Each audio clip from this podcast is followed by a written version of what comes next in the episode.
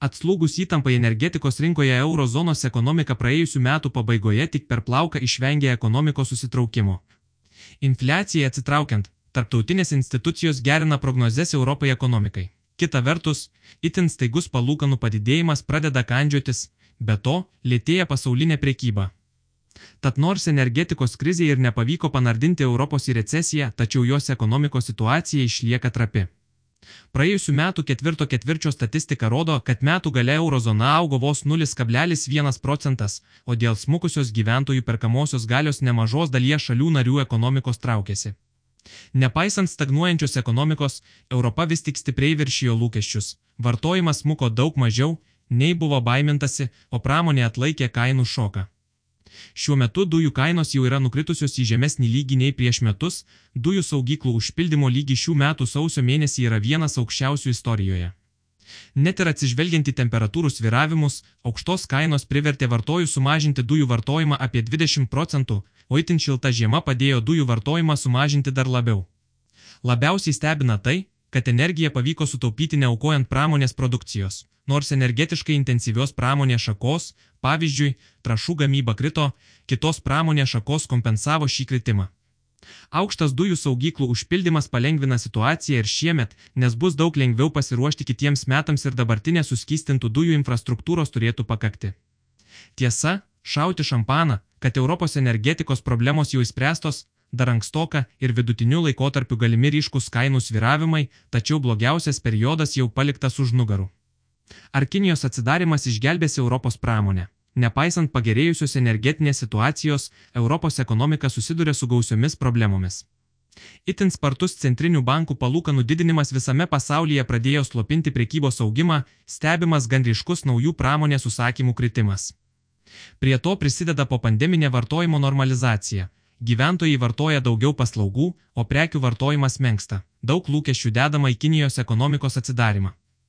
Kinija yra svarbi Europos eksporto partnerė ir įprastai spartesnis Kinijos augimas atneša daug užsakymų Europai, tačiau šį kartą teigiamas efektas gali būti silpnas.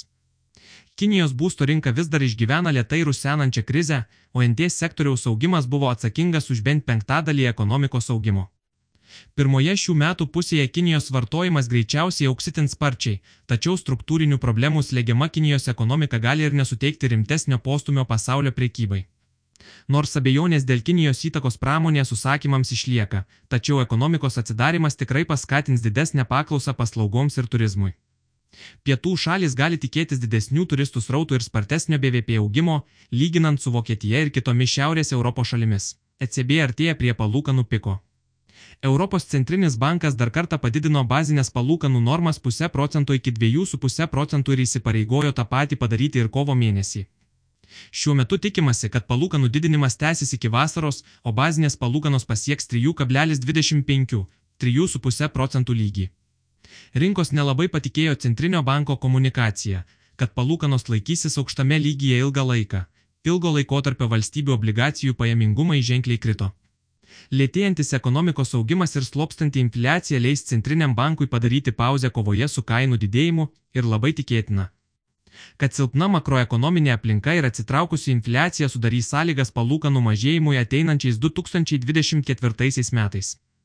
Infliacija Europoje jau pradėjo mažėti metinis kainų augimas sausį siekia 8,5 procentų, o mėnesiniai kainų pokyčiai yra neigiami jau trečią mėnesį išėlė. Stipriai nukritusios energijos kainos lopina infliaciją. Tačiau pagrindinė infliacija atmetus maisto ir energijos kainas kol kas nemažėja. Tad kol pagrindinė infliacija laikysis aukštumose, tol ECB bus linkęs griežtinti pinigų politiką. Miglotos prognozės Europai. Europos perspektyvos šiems metams yra itin miglotos. Viena vertus, griežta pinigų politika, lėtėjanti būsto rinka ir silpnas vartojimas temps eurozonos ekonomiką žemyn. Kita vertus, spartesnis infliacijos atsitraukimas ar stiprus ekonomikos stimuliavimas Kinijoje gali tapti teigiamais surprizais. Svetbank eurozonai prognozuoja vos 0,2 procentai BVP augimą šiemet, o ir 2024 metais augimas greičiausiai vos viršys 1 procentą. Infliacija šiemet turėtų gana sparčiai kristi ir Svetbank ekonomistai prognozuoja, kad eurozonos vidutinė metinė infliacija šiemet sulėtės iki 5 procentų.